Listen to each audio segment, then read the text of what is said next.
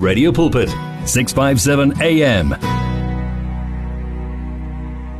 ihambe njalo ke i three songs in a row. Eh ngibona umyalezo lapha uthi ahe sisibahle awesome program. Eh ubecele la ingoma.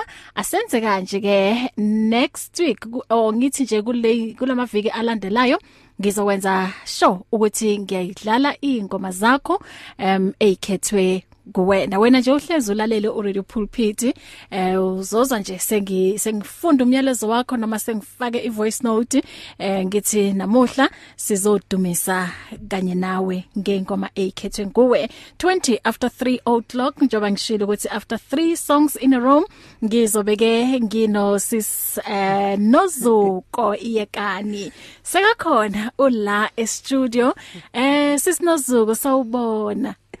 Sanibonani molweni.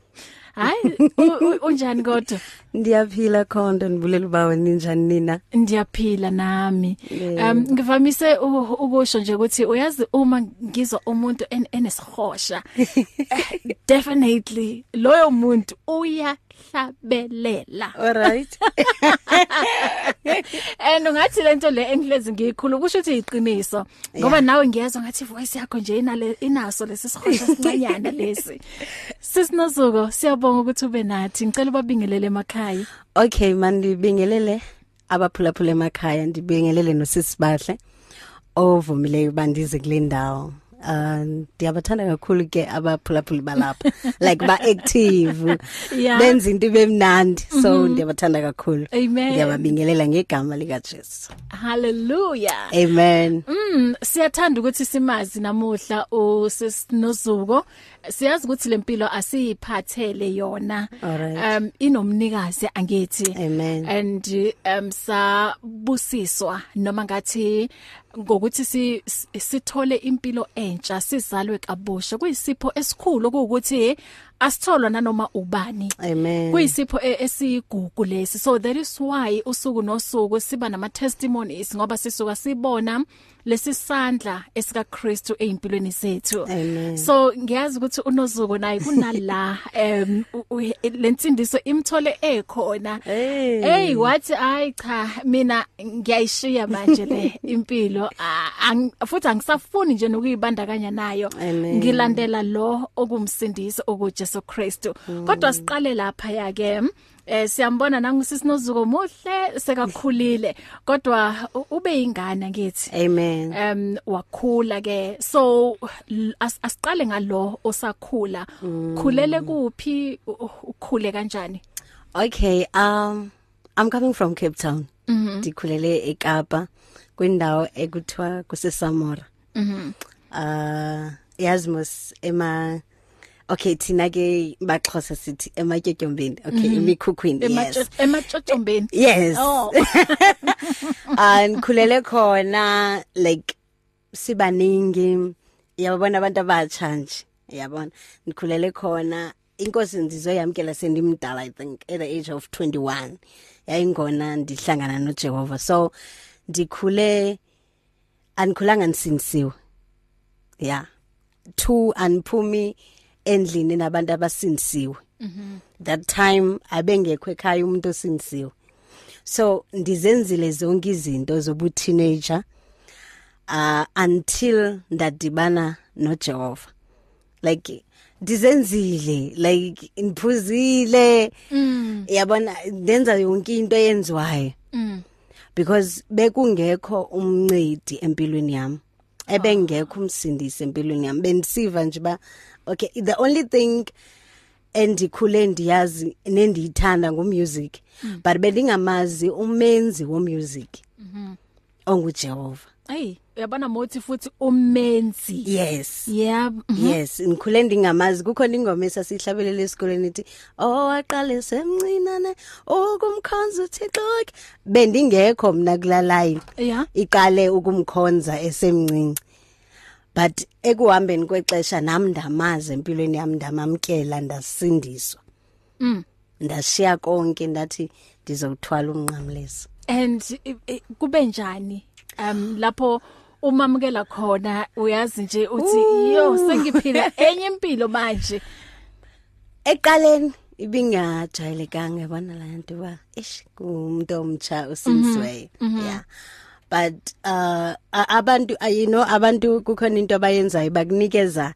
Bathi a a sokwe sibone after 1 month uba uzabe sesindisiwe na after 2 month so mina ngeke ngahlala ngasindiswa because ibinto emnandi. Naleyo ukuthi uhamba uyesontweni from this time to this time u- ube involved esontweni. So n- kuye kwamnandi kakhulu empilweni yami because kulapho even music o- oye wakhula khona. Because ke ngondena understand okay xa kuthiwa Jehova okay kuthetha ngoJehova ophilayo. Xa kuthiwa uyizinto zonke. Ndiyambona empilweni yami uzinto zonke. So yaqala apho ke impilo yami yatshintsha. Ndasebenzela uThixo qha. Ndahlala endlini yakhe ndamserve till today. Um into enhle ukuthi manje uma uthi Jehova so uyazi ukuthi ya understand kahle. ukuthi uhlabelela ngobani? Alright. uhlabelela ngomdali wakho. Amen. Wow. And then um uyacula um ah, ukuba a professional manje singa iqala kuphi utholwa ubani kwenzakaleni kuleyo journey Okay, um tense Cape Town ngingenzi lutho ngasebenzi. Angabona ama auditions eTshwane. Mm. Yes. Even Cape Town bendicula try u- ezinye izinto uyabona Aha. ukuthi ndibe ku platform e right your music. So iTshwane nifumene ndisendleleni by the way. Eku music. The Tshwane only- gospel choir Yes, mm -hmm. Tshwane Gospel Choir ndaza kwi audition. hayibo wasuka eKapa Dasuke kaba Waza ibhasi. All right.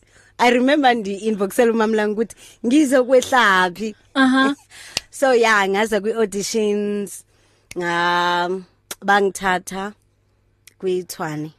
Okay, u- uqala audition then bakubiza uye kwi callbacks and sibaningi. Ah akuba kuze abantu abayi5 or abayi10 no. Ithwane like iyagcwalela kwi auditions. But kwakhona kwakhona kuba nami ndibe khona kwelo kwelo qela lithathwa at that time.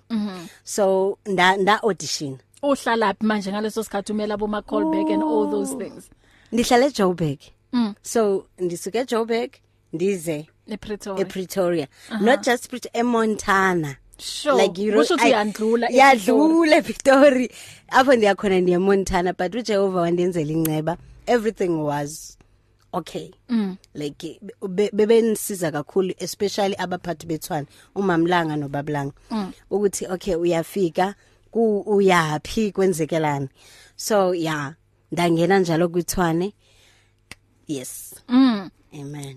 so uh, it's how many years now It's 4 4 years.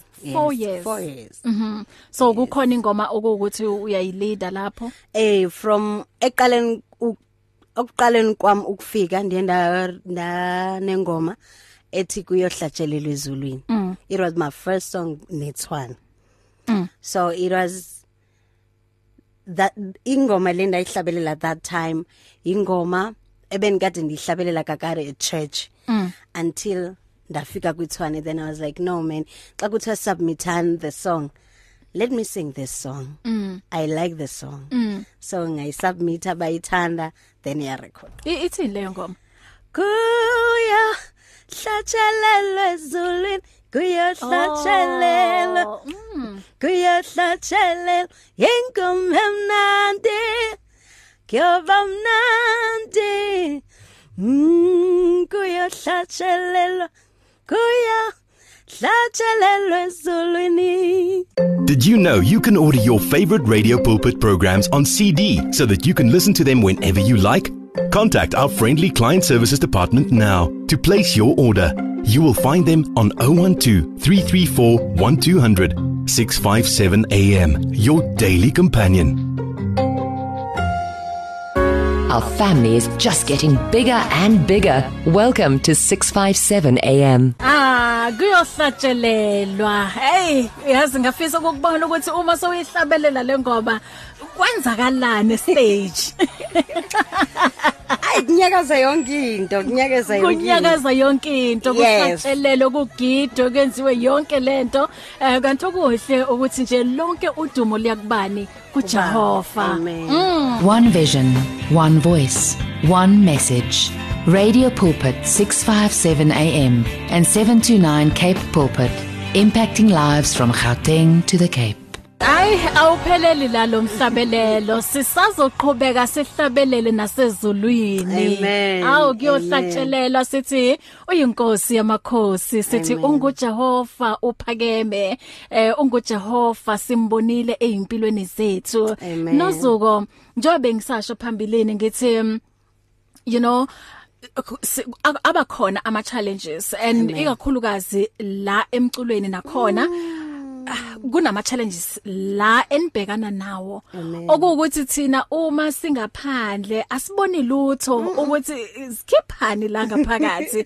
Kodwa nina ngoba ni- nikhona ngaphakathi niyazi ukuthi kuphi eni- e- okuyi challenge and i believe ukuthi um, ama challenge sometimes iwona asikhulisayo. And iwona ayenza ukuthi ukhuphula amasokisi uthi uyazini mina ngiyayimela lento and ngiyazi ukuthi ukuyimela kwami angingedwa. nginoJehova okuwukuthi uyangilwela. So wena imapha ama challenges okuwukuthi uyewabhekana nawo? Okay. Uh ukuqala kwami ukufika la eGoli. Remember I don't have anyone. Mm. I'm coming from Cape Town. That means if ithwani yangithatha one kumele ngibe nendawo yokuhlala. And kumele ngizifunele mina. Angithi ngimothe ngifuna music ngizifunele indawo yokuhlala. So that was my challenge. ukuthi I'm coming from enye indawo e different to ukuza kwelicala ne lifestyle ya yonke into iyohluka nje. Uh that time angithi angasebenzi that means akunamali. So i have to make a plan mina. Yeah. yes. So that was my first challenge. Secondly i, i think ele yesibini bingeyo challenge uku- ukufunda. Because ngihlangene nabantu abaningi. Aw ng- angithi ngidla ngoziculela ngedwa. Now kunabantu aba different lo zokutshela ukuthi hey la kusho Yeah. music omunye nawe and omunye I, I remember angazi lutho angizange ngasebenza ne group Yeah. that means angazi next. Yeah. Yonke into ngizoyifunda that's why ngithi bingeyo challenge ibe ukufunda. Mhm. uh ndiyambulela kuThixo because zange kube hectic ngalendlela bengicabanga ngayo. Mm. because ngifike ithwane i group ethandazayo. Even though kukho i i characters ezininzi Mm. endaweni eyi1 but besihlanganiswa ngumthandazo. Wow. then if usihlanganiswa ngumthandazo that means i language iba yi1 iba yi1 yeah. So ndiye ndafumana o sister no brother ifamily. That's why ithwane isikakhulu kuye kuthiwa thwane gospel choir thina siyifamily mm. so ndiye ndafumana ifamily entsha yazama ukundimisa ukuthi ngingacabangi emva. Mara ngibheke phambili whatever engihlangana nayo manje. Ngingafocus kuyo.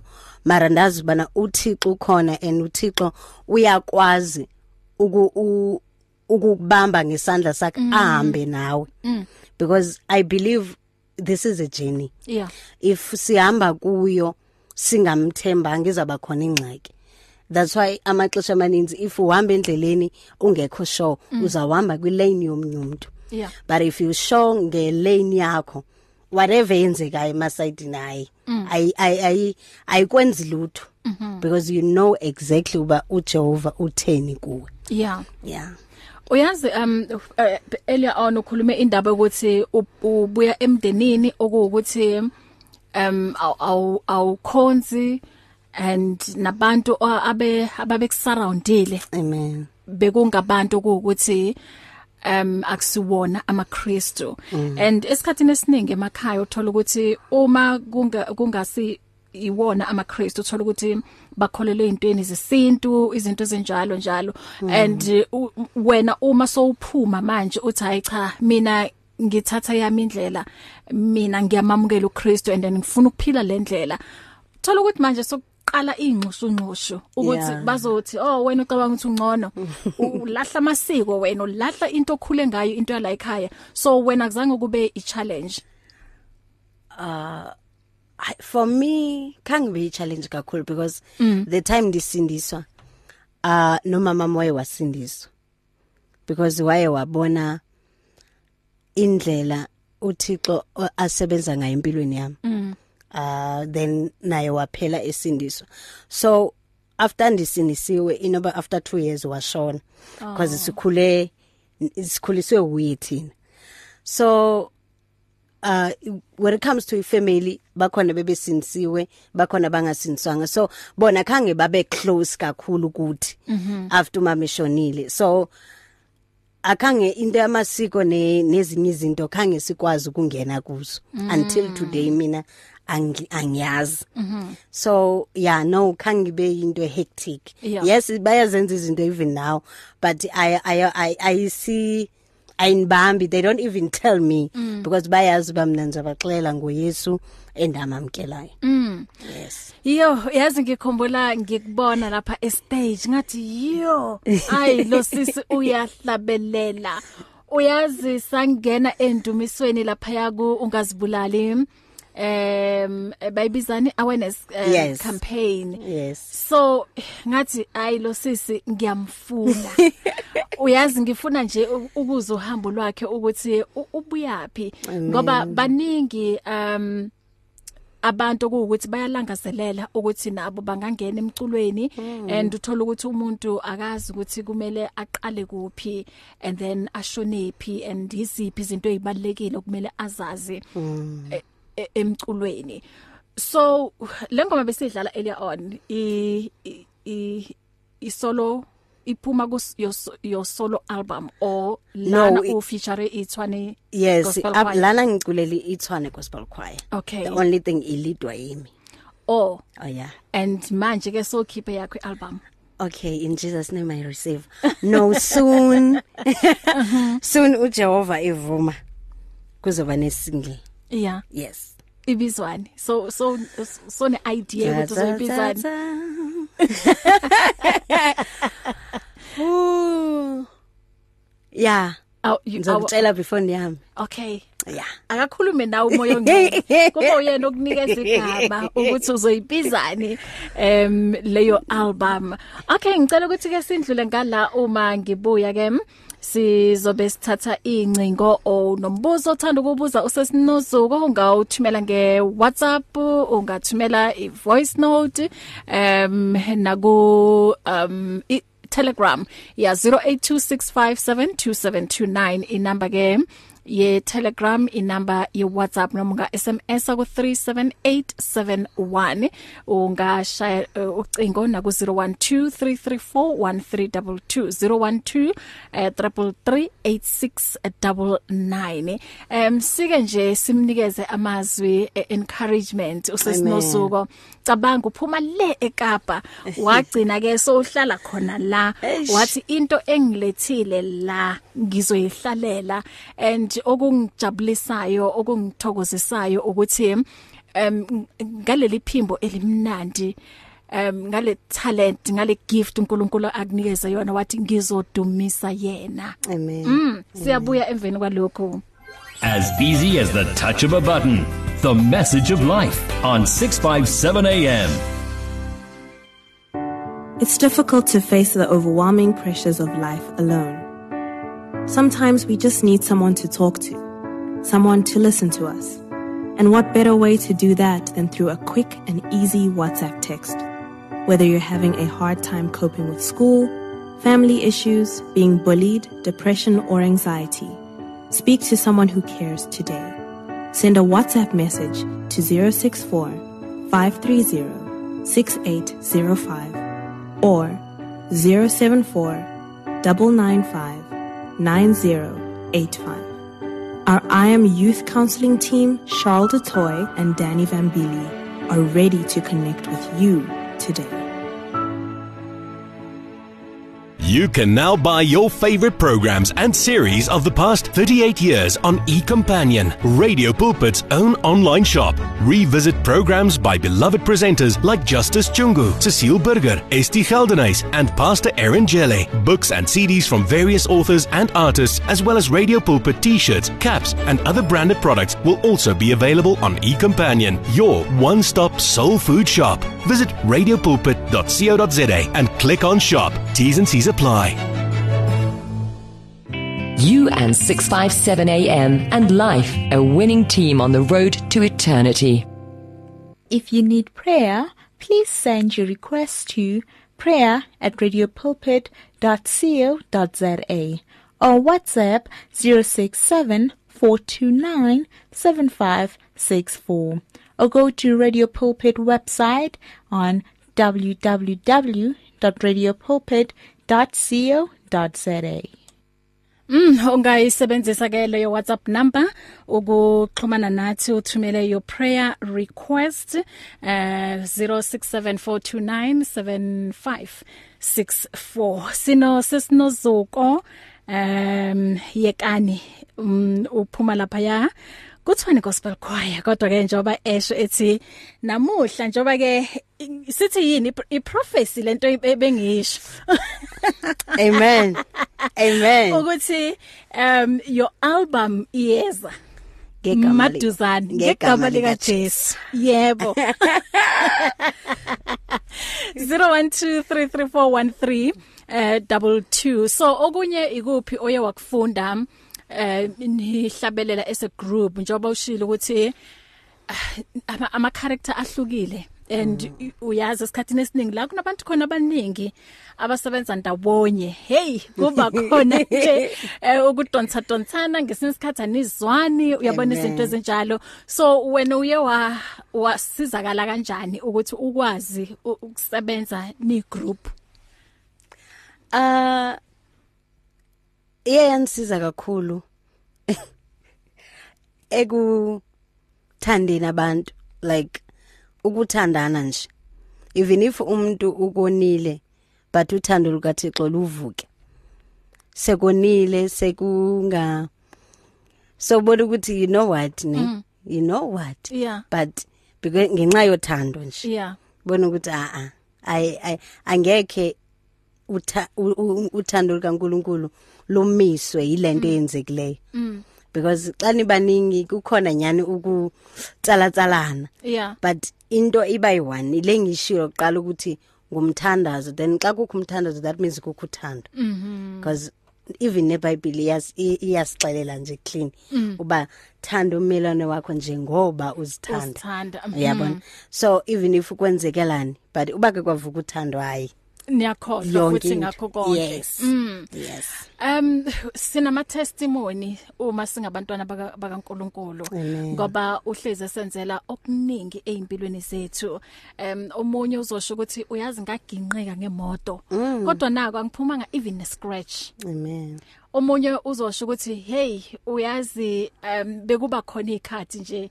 Ngithi ngiyabuka endlini akunakudla kunalutho. Kodwa ngigcine ngidlile.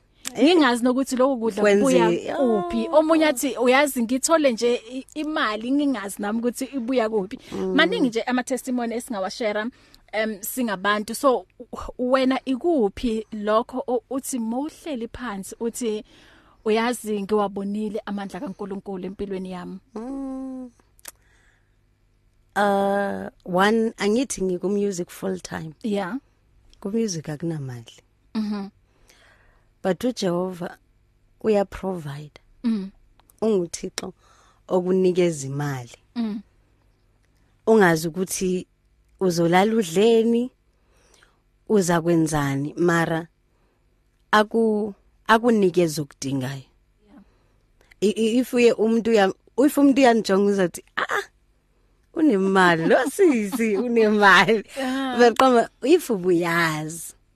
Yes because um sinale sinalento ukuthi uma umuntu mhlambe sombona ku television Yeah. eh bakuzwa la ku radio pulpit uya nakwamanye ama radio station sebacabanga ukuthi hayi kusho ukuthi ah unemali ufikile. Futhi sebathi uyi celebrity abazi.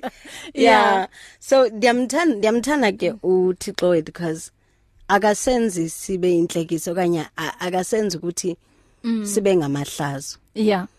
Wenza sure ukuthi uhlala ukhazimula njalo uhlala umhle. Because i i i iglory yakhe yiyo esincedayo yes.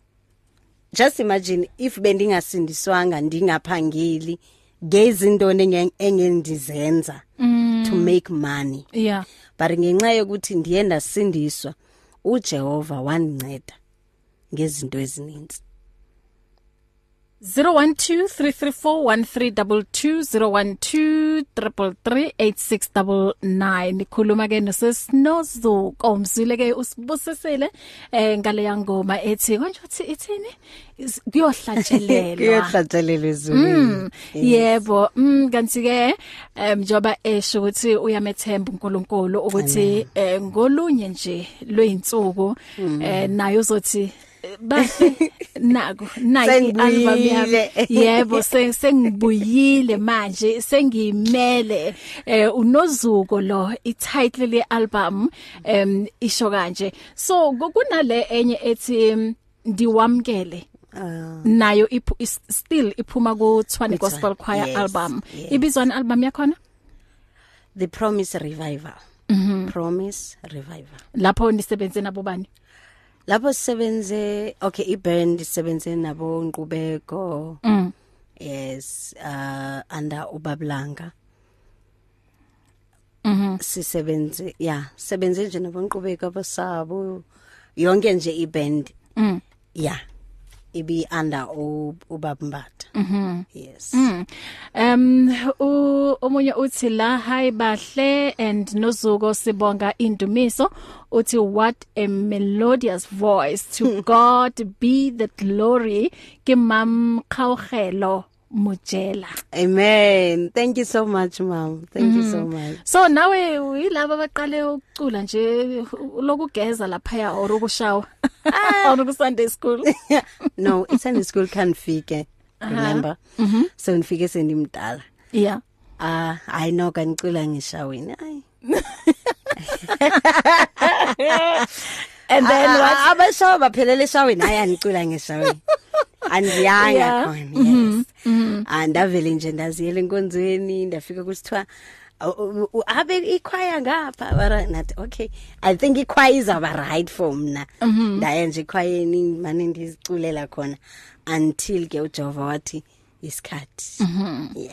And iadvice ongayinikeza mhlawumbe abaculi kukhona nje omunye naye ulekapa uthi hayi nami ngiyafisa ukuthi ngifike egoli em ngizohlabelela. Kodwa mhlawumbe unayo lento uyasaba ukuthi kodwa ngizofikela kabani? And eh, ngizoya kuphi? Ngizosizwa ubani ukuthi nami ngingene and then ngibe em kube khona nje Into o- engiyenzayo. okuya phambili yebo ngomculo iadvice ongayinikeza wonke nje umuntu ongathanda ukungena ku music industry ungathini kuyena okay okokuqala if ukwi worship team mm. ne ufuna ukuba out there please serve esontweni serve at church ngenhliziyo yakho yonke leyo nto yenza ukuthi even if usofuna ukuphuma umfundisi wakho will help you because usevile esontweni. And aw like aw ubungenzi ngathi uyaserve inkonzo ingena ngo9 wena ufika ngo10 usevile ufike ngesikhathi esontweni. Everything umthetho wasesontweni ubambe. Lento iyasiza. Isiza ukuthi mawusuka le usiza this side ukwazi unokuba fonela because at least you have a church mawunenkinga bakhona abantu ekumele ubafonele so ngegift yakho unga un- unga ungafuna ukuncengwa makumele uhlabelele. Yeah. Because wena ukuhlabelela kamnandi. Imnandi ke kuthi because thina sihlabeleli kamnandi hayi asihlabeleli kamnandi. Yeah. Sincedwa nje nguJehova. Amen. so wena une voice emnandi ungafuni xa kuthiwa kukho i youth service wena ufuni ufuna uya Sunday qha esontweni then ufune izinto zikaNkuluNkulu but awukwazi ukuserve apho khonza khona Mm. uba i problem lo muntu Mhm. because uzaba i problem so uphumile Yebo. ungaphandle ubone ukuthi okay uyingxaki then abantu abazukwazi ukukusiza Mm. inyaniso yileyo bana xa ufike eJoburg you need help Mm. And awuzukwazi ubuyifumane kwabantu a- abarongo kumele uyifu- iqale esontweni lento qale pha enkonzweni Mhm. then if iqala enkonzweni xa ungaphandle even nababalana they can help you at least uyakwazi ukufonela umfundisi wakambuza ba uyamazi ubani kabani then uthi u- if uthi ewe yonke into yakho at least izawahamba according and kukhona umuntu okuthandazelayo Mhm. Ngiyayithanda le impela ukuthi um iba nalawo fellowship akhona. Mm. Um mseve uNkulunkulu ngenhliziyo yakho Yonke. Yebo, ungangeni nje ngoba uthi "Hayi, yazi ngifuna ukuthi ba ba- bang-recognize ukuthi ngikhona njengomculi kodwa ungene nawe ku- kuukuthi uzoserve uNkulunkulu. Amen. Wow, I loved it ngoba uma ungabuka esikhatini esiningi abasonto abaculi and noma be inviteile ukuthi eze mhlawumbe ebandleni ezominister uzolindela isikhathi sakhe ayifikele Alright. futhi ngezikhathi zakhe Oh.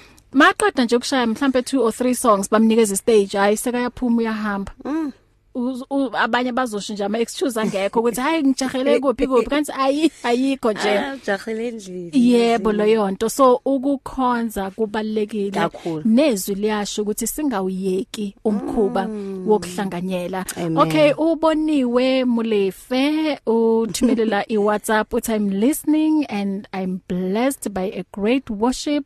I can't wait to see you live sis Nozuko eh kiboniwe mulefe ungaleke eLittenberg boniwe buza mina. Mina ngimbone live uNozuko estage. Ngathi yey yey yey yey yey yey. Ngizobe ngilapho sisiboniwe. I'm coming anyway. Ngizobe ngi- usisiboniwe. Yeah. uzobe senza i i launch yakhe. Oh. i think it's a book launch. Yes. Okay. Nge27 april. Yeah ngizobe ngise mafikeng. eLittenberg. Yes. Ngizobe ngihlabelela khona strong. Sure. Hayi uzombona ke. Uyaza ngiclaim so eh boniwe. Hayi uzombona u- uNozuko.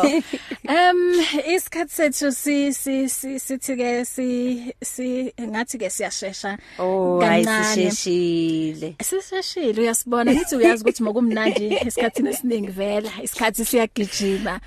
So umyalezo wakho nje ogcina and ikuphi nje ongatha o- o- okulangazelayo ukuthi uNkulunkulu akwenzele kona empilweni. engikulangazelelayo ukuthi uNkulunkulu angenzele kona. You know uh ku music dinento ethi enhliziyo ndine okay. Ndingene ndinento ethi ngifuna abantu basindiswe. Mhm. angifuni ukungena estage ngiphume. Kungekho umuntu osindisiwe kungekho umuntu ophilile because i believe eyona nto e- e- e- ekumele siyenze ukuthi sibuyisele abantu bakaJehova endaweni yabo Yeah. that's why esithi uTimothy ndiyavuselela ngokuqala kwinto zonke ukuba kwenziwe izikhungo izibongozo imithandazo Mm.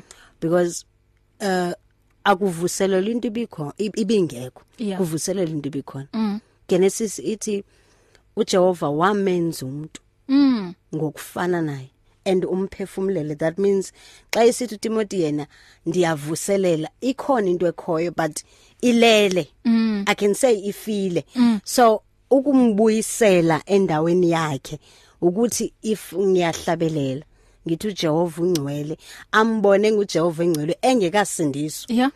so that azokwazi ukusindiswa Mm. into esenhlizweni yami kakhulu leyo uh, anayo enye into xa nifike stay before ngiyamxelela uJehova ukuthi kunomuntu oyi1 ndisho ongasinswanga la. Kunomuntu oyi1 ongaphilanga ogulayo. Ngomhlabelelo owufaka enhlizweni yami mabaphile because ithi indumiso unguJehova ohlala endumisweni amen Amen. Amen. Yeah. Wow. Inamandla ke leyo. Um bakuthola kuphi mhlawumbe uma bengathanda ukuthi um uzoba ministerela einkonzweni emshadweni yayo? Yes, yes. Yeah. La nje udinge udingakala khona yes. u available. Okay, on Facebook igama lami ndingunozuko yekani. Mm -hmm. Instagram nozuko 22. It's mm -hmm. just Nozuko 22. Mm -hmm. Yes. Uh I have a page nayo ingunozuko yekani but small letters. Please follow me. Mm -hmm. Yes, everything uh, ngiposta lapho. Okay and then uyatholakala na ku WhatsApp? Yes ngiyatholakala ku WhatsApp. Mm. Please u WhatsApp no Jehova. Oh ngiyasiyama. oh 71 071 515 515 01 01 09 09 ngicela waphinde futhi? 071 515 0109 Mm. Yes. Sisinozuko siyabonga kakhulu ukuthi usinikeze isikhathi sakho uzoshare nje nge life journey yakho nge musical journey yakho. Um mina engikukhulekelayo nje ukuthi uNkulunkulu akube uyena ophakamayo um ukuze azokwazi ukuthi aphakamise wena. Um alihambe ivangeli lihambise ngalomculo abantu baphile njoba usho ukuthi ngomculo abantu bayaphila ngomculo abantu baphinde futhi basindiswe and kulomculo futhi baphinde bezwe indaba ezinhle ukuthi em izona okumele sisabalalise nje kuzo sonke indawo. Bona khona manje uye Littenberg kusho ukuthi uhambisa lona leli vangeli. Amen. Uhambisa the good news ngomculo. God bless you. Um asimphelezelo sasinoziwe ngalomhlabelelo wakhe uthi ndiwamkele. Uyazi uma ucula lapho awucula awucula awucule naye awucule naye awucule naye. Diwamkele kuwa mandla Oh oh. It's here. Radio Pulpit's new website is live. You can tune in at radiopulpit.co.za and enjoy crystal clear sound with just a click of a button or listen to our podcasts. Discover biblical truths in our daily devotionals and let our stories of hope inspire you. You can download our app on this new look, easy to use platform. Find your favorite program, get to know our presenters, and so much more at radiopulpit.co.za. Radio Pulpit, your daily companion. Song for my soul. Hmm, wahlabelela kamnandi Thuli Mashazi umhlabelelo opholile impela lo eh kuyi Sunday in the afternoon singena esigabeni sokugcina sokugcina eh njoba ke ku 8 after 4 o'clock asijule ezwini eh sisindawonye from 2 o'clock until 5 o'clock am 657 DSTV audio bouquet 882 phinda usithole na ku Radio Pulpit app noma uvakashele website yethu ku www.radiopulpit.co.za kulabo ke abangathanda ukuthi sikhuleke nabo ungathumela your prayer request ku 067 429 564 noma uyithumele ngeemail ku prayer@radiopulpit.co.za noma ku hebed@radiocancel.co.za igama ngubahlo kanhlapho sanda kungena wamkelekile elakho lelikhaya kanti uyazi ukuthi ke umfutho uthola la. Uma kubanda kwezinye indawo ngena la uzothola umfutho eh, uzothola ke neindaba ezinhle.